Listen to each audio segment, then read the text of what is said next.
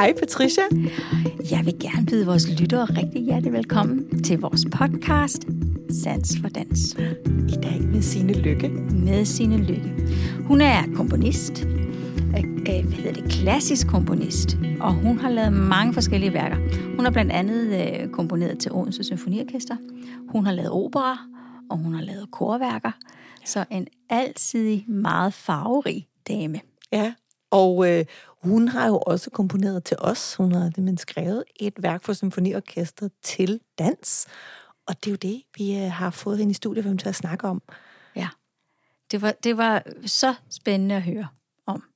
Ja, så hun har både fortalt os, hvordan man arbejder som komponist og som musiker, og hvordan den proces er anderledes for, hvordan vi arbejder som danser.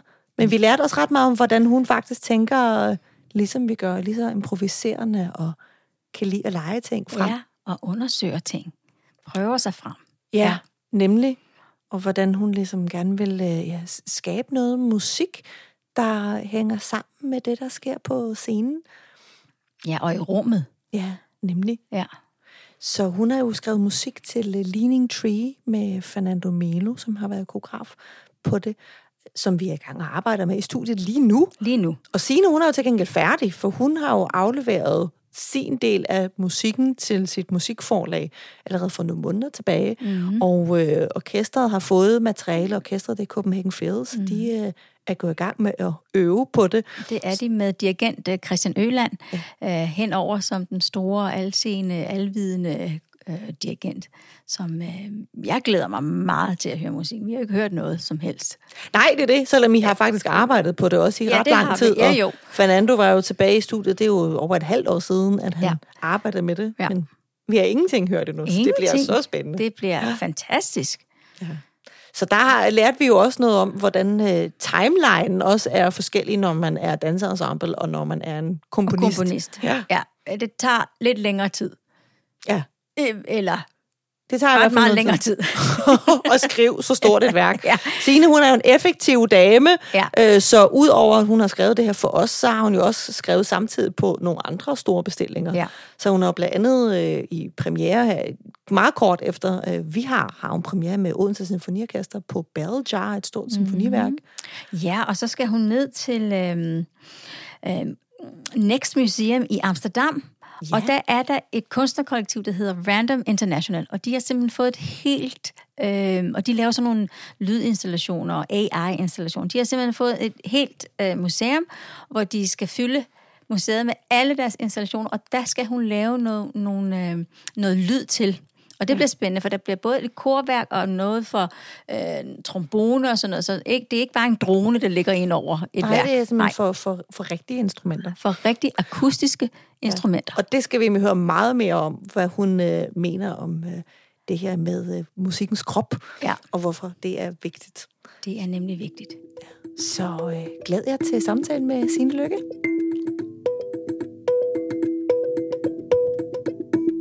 Hej, velkommen Signe Lykke hernede i øh, vores podcaststudie. Tak. Velkommen Signe. Jeg glæder mig så meget til at snakke med dig. Ja. Signe, du øh, er jo komponist på vores øh, næste store forestilling, Leaning Tree.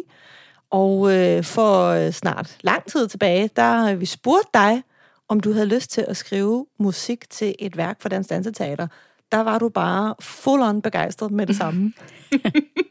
det var simpelthen så herligt. Men hvorfor, hvorfor var du det? Hvad, hvad var spændende ved at skrive musik for dans? Øhm, ja, altså, nu er det jo ikke så tit, man får en bestilling for symfoniorkester og dans. Hmm.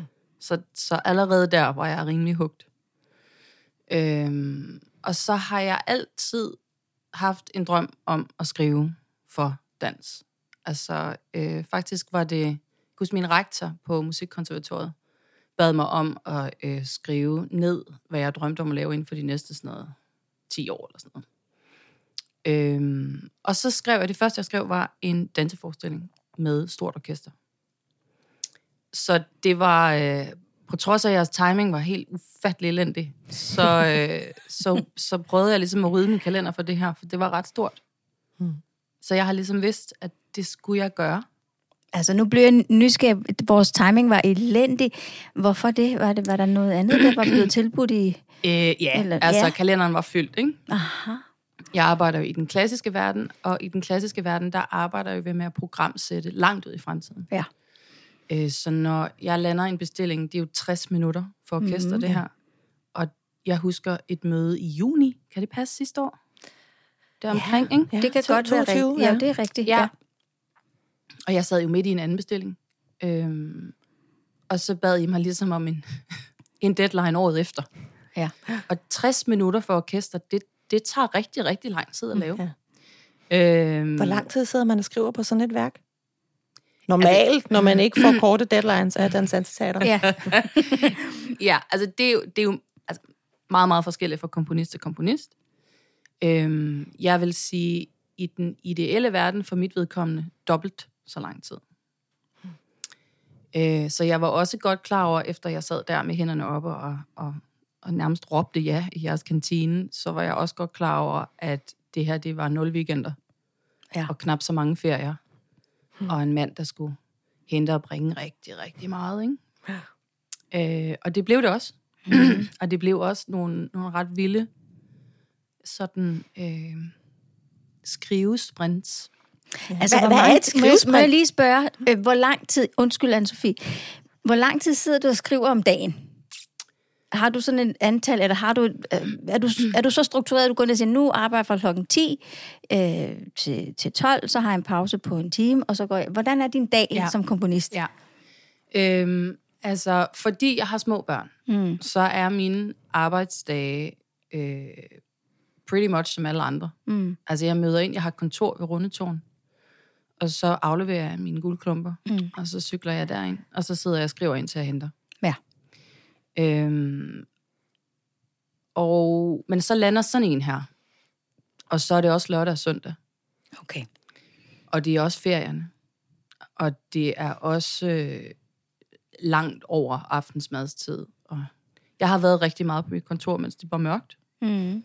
Øhm, og det, øh, det har jeg jo ligesom sagt ja til. Det er også ret magisk. Der sker også noget magisk, hvis man følger sådan... Jeg møder cirka ind sådan kvart over otte på mit kontor. Mm-hmm. Hvis du så skriver fra 8 til 8. Øhm, altså, der er nogle specielle energier, der hører til, ikke, når det bliver mørkt, tusmørke, og så tidlig morgen. Mm. Og, øhm, så det er jo egentlig også ret fint, men altså, det er Det er sejt. satan også hårdt, vil jeg sige det. Man det gør kan det ikke hvert forstå. år, det her. Nej, okay. Og så vi siger tak. Tusind tak for det. Det var så lidt. Vi sørger for nogle gode pladser til premieren. Det gør Og vi. til de Ja, her. ja. Og at, at det at skrive musik til dans, er det anderledes, end du har jo også skrevet opera, for eksempel, og du har jo også skrevet for små ensembler og ikke symfoniorkester. Går du det anderledes til det?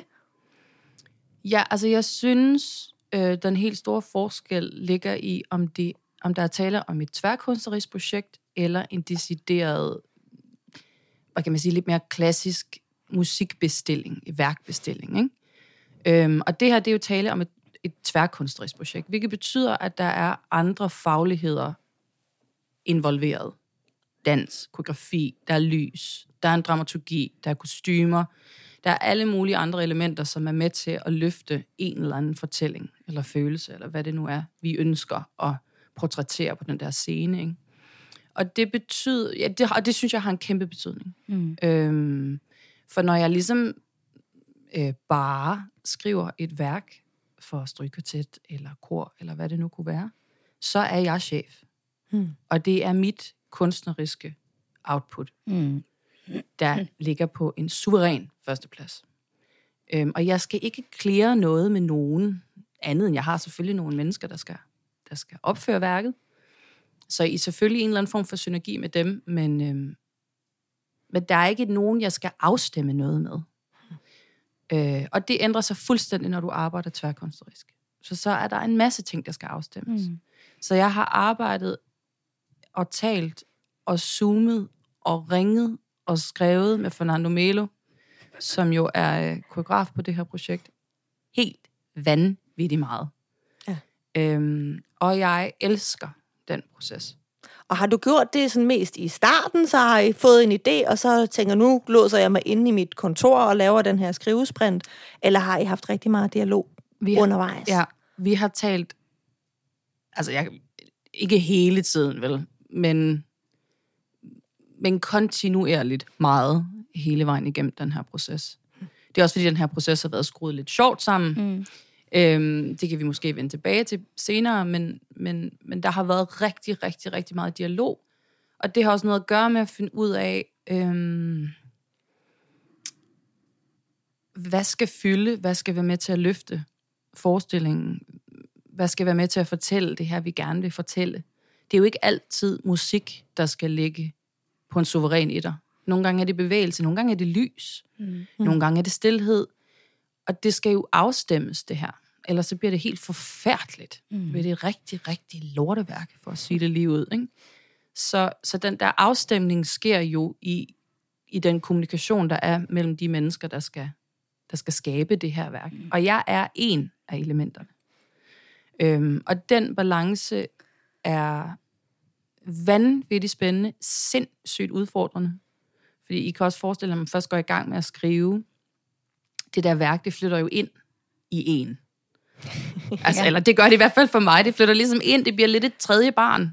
Øhm, og pludselig begynder det der tredje barn at sige en masse og ville en masse og, og, og bestemme selv, ikke? og man, bliver, man kan blive sådan nærmest helt grådig på det der barns vegne. Og pludselig så lander man i en eller anden samtale med, øh, med Fernando, hvor man finder ud af, at det, den idé, man har fået, som man synes er egentlig ret genial faktisk, det er en rigtig, rigtig dårlig idé. Og så, ligger det, og så kommer de der kompromiser, ja. som er øhm, meget, meget, meget svære og meget, meget, meget smukke. Øhm,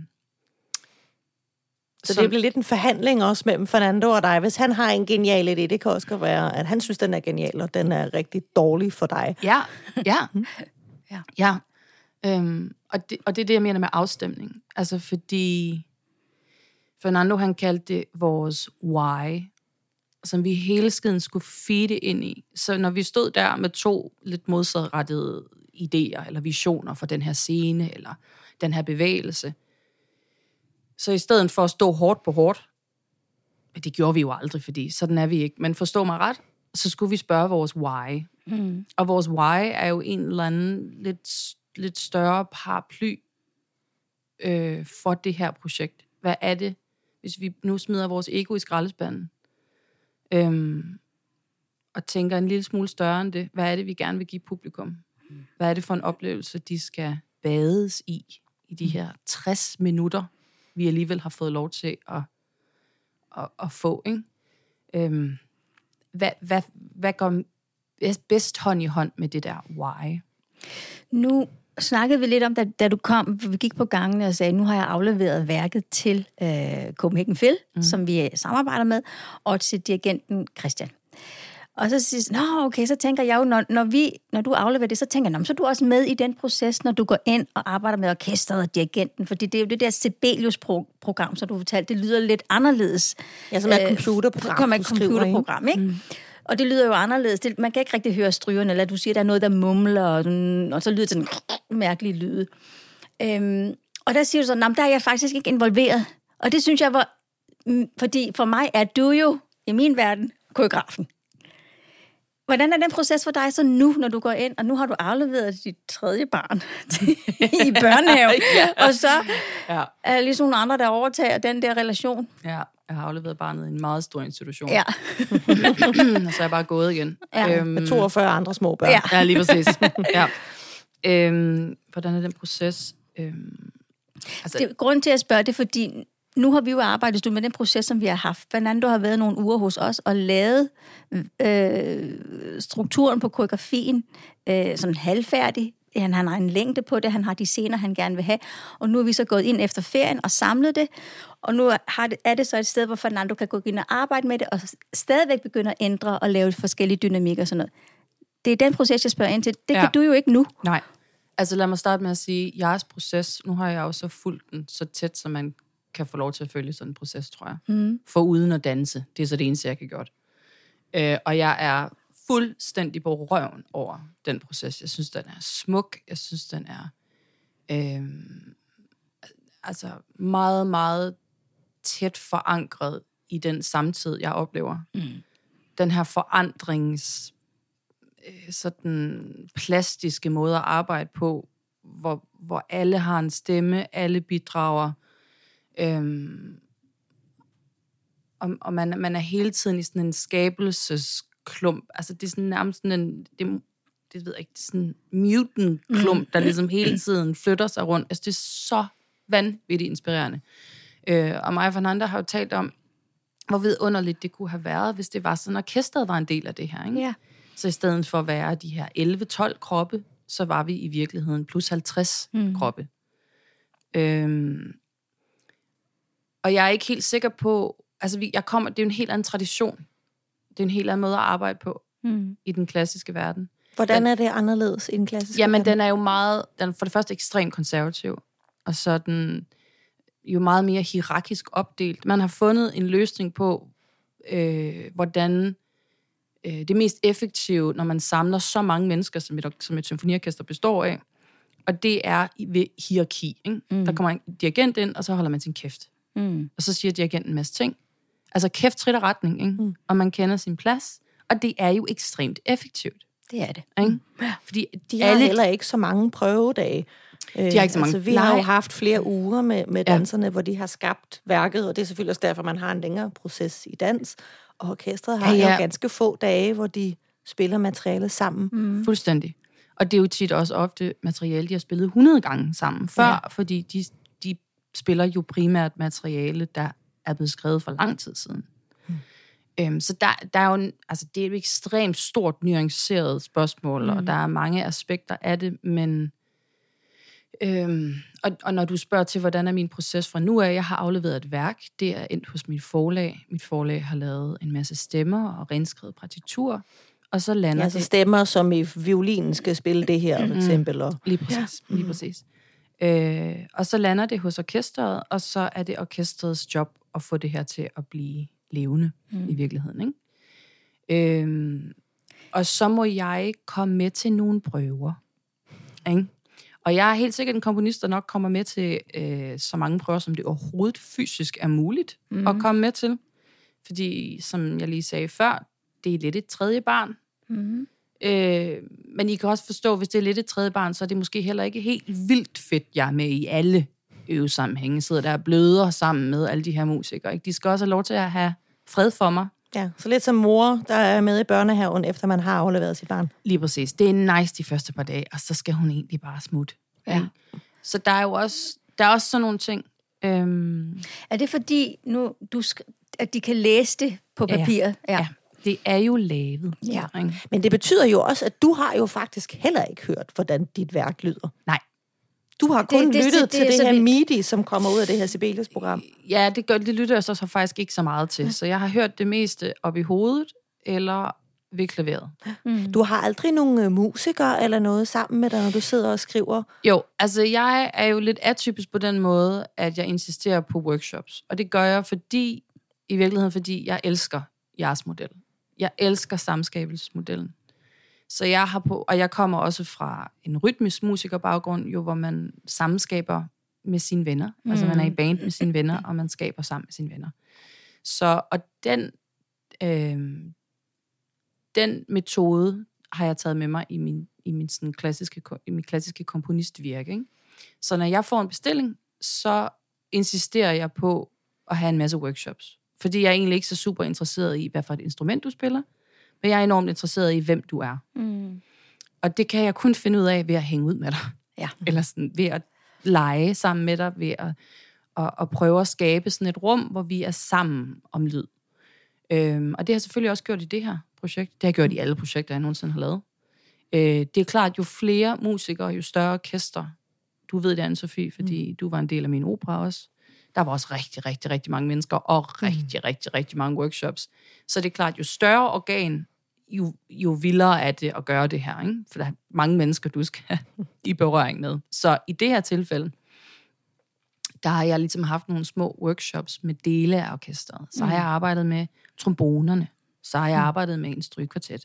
Så har jeg arbejdet med en kontrafagotist. Så har jeg, altså, mm. ikke? Og det var musikere fra Copenhagen Phil. Yes. Ja. Det er musikere, der ender i værket. Okay. Øhm, og, og testet af og, og, og, og talt med dem, og leget rundt med deres instrumenter, og, altså præcis som når I går i prøverum. Ja, men er det alle musikere, der har lyst til, altså klassiske musikere, der har lyst Nej. til det? Det er Nej. det ikke. Øhm, Det er heller ikke noget, man øver, når man får sin uddannelse som klassisk Nej. øh, Nej. musiker, vel? Nej. Det er ikke for alle. Mm-mm. Øhm, og det smukke ved at have den profil, som jeg har, hvor jeg ligesom er rimelig konsekvent omkring det her workshops element, eller den her samskabelses... Samskabelse er måske også et forkert ord at bruge, men i hvert fald et eller andet form for fællesskab omkring værket. Det er det frasorterer alle dem, der ikke vil. Mm. I det her tilfælde er det svært, fordi symfoniorkester bestemmer ikke selv. Det er jo en chef. Det er en kunstnerisk leder. Det Det er en Peter, det er en Peter Lodal, der har, der har ligesom prikket mig på skulderen og sagt, vi vil gerne samarbejde med dig. Øhm, og selvfølgelig Peter, Peter også, Loda, som er kunstnerisk leder for Copenhagen Phil. Ja.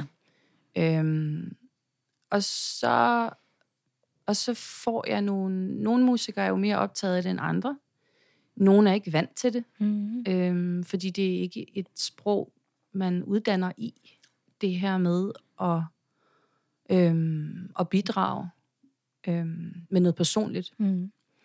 Øhm, og altså, det er jo min fornemmeste opgave at prøve at skabe et rum, hvor, der, hvor det er trygt, og hvor dem, der har lyst til at dele, deler.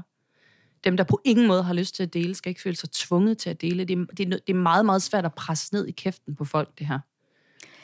Ja, som Øhm. sagt, det er jo noget, der skal øves, og det er noget, der skal skabes op i hjernen. Det er virkelig, altså, det er også det, vi gør hele tiden. Vi improviserer jo hele tiden, og det tror bare folk meget om. Vi jammer bare rundt. Men det er vigtigt at holde den over åben op i hjernen. Ja. Det der med at bidrage, åh, og ikke tænke, åh, og ikke dømme sig selv øh, i forhold til det, man laver.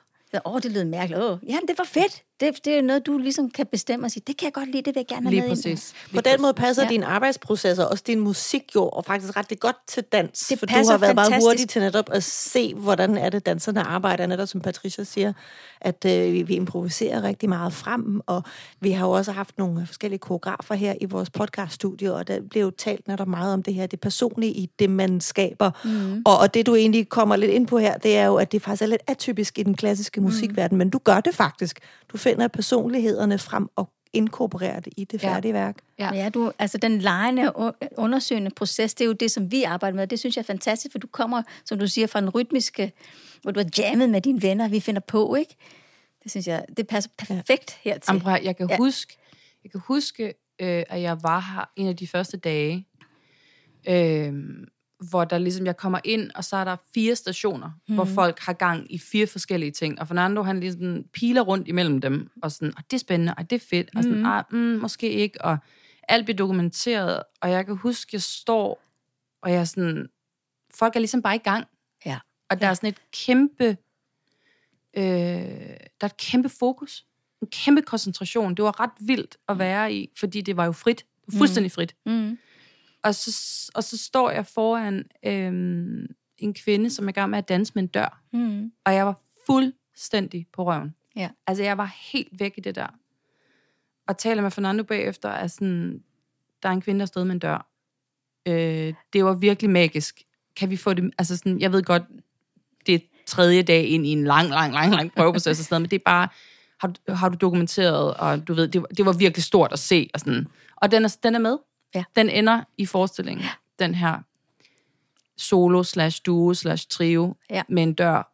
Og det, Det står faktisk også i partituret, sagde jeg. Der er et eller andet sted, hvor det der gør står der, ja. door ja, scene eller sådan det gør der. Jeg havde, altså det, det var en af de første scener, jeg startede med. Jeg synes, det var, det var så stort. Og det var så stort, at det var sket så tidligt. Mm. Øhm, Hvad, hvad tog du med dig? Altså, var der noget i, i bevægelsen også, der inspirerede dig til at skrive lige præcis, hvordan du så har skrevet den her scene? Eller? Øhm, ja, altså, jeg tror det allervigtigste, jeg tog med mig, nu har jeg været så meget, som jeg kunne til alle prøver, og hold kæft, hvor har jeg set mange videoer igennem. Fordi Fernando dokumenterer alt på video. Øhm, Ja, så du har både siddet i rummet sammen Ja. med vores danser, men Ja. du har også siddet derhjemme med Ja. de videoer, du har fået. Ja. Og jeg tror især det at sidde i rum øhm, var meget, meget, meget vigtigt for skriveprocessen, fordi hver gang jeg sad, der fik jeg sådan en, det er fuldstændig ligegyldigt, hvad jeg smider på, så bliver det magisk. og det er ret vigtigt jo, øhm, når man så skal cykle hjem til sit kontor og skabe noget, som er sådan en stor fælles krop, og jeg sidder som sådan en satellit mm. øh, på et kontor ved Rundetårn og hører ting op i hovedet. Mm. Altså man er meget, på den måde er man jo meget alene, mm. jævnfører min drøm om at sidde der sammen med jer, mm. øh, med en strygkvartet for eksempel. Mm. Mm. Øhm, og det skal nok ske en dag, fordi det, det, det kan jeg mærke, det bliver jeg nødt til at undersøge. Jeg skal så også finde en strygkvartet, som er vild, ikke? og som kan, som kan lige præcis tabe ind i at skabe ja. på, på, på baggrund af meget, meget let. Se den her bevægelse. Øh, prøv at lave noget tekstur. Prøv at gøre, altså sådan, kunne gribe det der, ikke? Ja, men er det det, altså, at der faktisk sker meget lidt på scenen, men der er så mange nuancer i det, at, som gør det spændende? Ja, og, og så synes jeg jo, som, som jeg måske... Øhm, som måske er det, der tænder mig allermest for det her med at arbejde med dans. Øhm, der er flere forskellige der er flere forskellige sådan tematikker her, men en af dem er jo, at vi laver præcis det samme. Hvis jeg smækker en cellist ind sammen med jer, så er det lige så koreograferet. Det er lige så fysisk. Det er lige så øh, åndedrætsbaseret mm. som en danser. Det er bare en anden skala. Ja. Øhm, så, så jeg vil jo stå fast på at sige, at det er præcis det samme. Mm. Og lyd er jo bare bevægelse. Mm. Altså det er lydbølger, der rammer en krop, og så mm. reagerer man. Øhm, så, så det er meget mere, at det kommer fra samme kilde. Ja. Øhm, og det synes jeg er så vanvittigt smukt, og det er en af de ting, som jeg synes er for eksempel helt vanvittigt irriterende, når jeg, når jeg ser samtidsdans, det er, at 9 ud af 10 gange er det elektronisk musik, ja. og et backtrack, der ligesom kører med en subwoofer, der er skruet alt for højt op. No offense. Øhm, og, og hvorfor er det irriterende? Jamen, det er irriterende, fordi så har du lige præcis taget det der synergielement ud af det. Du har lige præcis taget kroppen ud af musikken. Og så har du blevet lavet musikken være sådan en fuldstændig passiv flade, der bare står og er død i den her kæmpe aktivitet, der foregår af krop på scenen.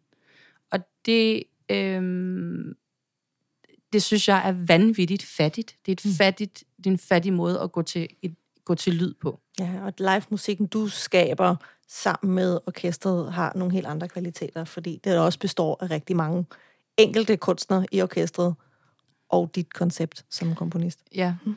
lige ja. præcis. Og det der med krop, altså jeg tror ikke, det er ikke så, det er ikke så kvantefysisk uh, crazy det her. Altså det, det er, det er kroppe, der, der vibrerer. Ja. Altså, og lyd er bølger, der vibrerer og rammer det var også noget af det første, du snakkede om, inden du gik i gang med at skrive. Ja. Der talte du rigtig meget om, at du gerne vil have de to ting smeltet sammen, og du gerne vil bruge åndedræt som sådan gennemgående ting, og du var meget optaget af, hvor sidder musikerne henne. Det her med åndedræt, sådan, endte du med at bruge det? Nej, det gør jeg faktisk ikke. Øhm, men altså hele, hele værket er jo lavet i en surround sound setting. Dels fordi vi arbejder i et øh, lad os bare bruge ordet meget, meget specielt, rum. Ja. ja, vi skal spille i skuespilhuset på store scene. Det skal og vi. der øh, har jo ikke rigtig været et symfoniorkester før. Selvom der er en lille orkestergrav, så har den ikke rigtig været i brug. Ikke i den funktion. Ja, for det er vel lavet til at tage, tale. Ja, det tale. Lavet skuespil, ja. stemmer. Det bliver spændende. Det ved vi godt, at det gør. Men så har du gjort noget, noget rigtig spændende med det, Signe. Ja, altså fordi ja. jeg måtte jo... Øhm, øh, jeg blev nødt til at skrive noget til det der rum. Rummet er blevet en helt klart en tredje medspiller. Mm-hmm. Jeg talte om fagligheder. I det her samarbejdsprojekt har vi også en faglighed, der hedder rum. Ja. Hvis man nu skulle sætte det sådan lidt firkantet op. Øh, fordi det er et rum, hvor der ikke er noget rumklang. Det vil sige, det er et rum, der er skabt til at lukke lyd ude, så man kan høre et menneske tale. Mm. Øh, og, hvor, og hvad kan sådan et rum? Altså det, øh, det kan noget med retning, fandt jeg ud af, da jeg stod der på scenen. Så det er et rum, som er meget sensitivt over for, hvor lyd kommer fra. Mm. Øh, og det har jeg så udnyttet til absolute max kan man sige, fordi jeg har splittet mit orkester ad i otte orkester, eller otte små ensembler, og så har jeg placeret dem rundt omkring i, i rummet. Og det mm. har jeg både på baggrund af den her øh, meget specielle akustik, eller mangel på samme, øh, og jeg har også gjort det, jævnfør det, jeg sagde før, øh, i et forsøg på at trække det fysiske fra scenen, det koreografiske, energierne, ud i rummet, hvor publikum sidder. Øhm, jeg vil så frygtelig gerne have, at det rum, hvor man, hvor man oplever dans, er mere aktivt. Mm. Fordi det er en af de ting, øhm, som jeg har tænkt rigtig meget over, når jeg har set dans, det er, at det rum, jeg sidder i, altså publikumsrummet, mm. er meget dødt. Og det er ekstremt underligt, når man sidder og ser på noget, der er så aktivt, ja. fysisk. Mm. Og og jeg har altid øh, spændt ekstremt meget op i mine muskler, når jeg ser dans. Og det kan have noget at gøre med, at jeg startede, jeg startede i sport. Jeg arbejdede i sport, fra jeg var lille bitte pige og reddet professionel hest og sådan noget. Jeg har slet ikke startet i kunst. Så sport er noget, jeg har et meget, meget tæt forhold til. Så det der med at sidde og være sådan fuldstændig anspændt, mens man ser nogen lave noget ekstremt fysisk, øh, det er meget specielt. Og det kunne jeg godt tænke mig at prøve at udfordre lidt. Så det der med at placere de her kroppe ude blandt publikum, er jo et forsøg på at vække det rum. Mm. Ja, men jeg kan også forestille mig, at altså det siger med kroppen, fordi det er jo fantastisk at høre instrument spille tæt på. Jeg sidder ofte, når jeg ser øh, opera her, vi, øhm, så sidder jeg helt nede ved graven, fordi jeg synes, det er fantastisk at, at mærke øh, musikken også, samtidig med, at jeg, jeg kigger op på scenen, og så, du ved. Så det, det synes jeg er ret fantastisk. Og det, det er den oplevelse, som publikum jo får, forhåbentlig, forhåbentlig. når de kommer ind i mm. skuespilhuset mm, ja. den 21. oktober. Præcis. Og i stedet for ligesom en stor krop, er det pludselig mange kroppe i af musikergrupper, man kan forholde sig til. Ja. Hvad kunne du godt tænke dig, øh, musik og dansen i fremtiden? Hvad, hvordan kunne du godt tænke dig, man greb det an fremadrettet? Er der noget, at du vil have lyst til at bygge videre på, hvis du nu skulle drømme? Ja, altså jeg vil... Øh Jeg vil næste gang insistere på at have musik med i det prøverum. Mm-hmm. Altså musiker? Ja. Ja. ja, det vil jeg. Og, og jeg er med på, at der ligger en masse benspænd her. Også en økono- et økonomisk benspænd, men jeg vil meget hellere downsize mit orkester for at få lov til det.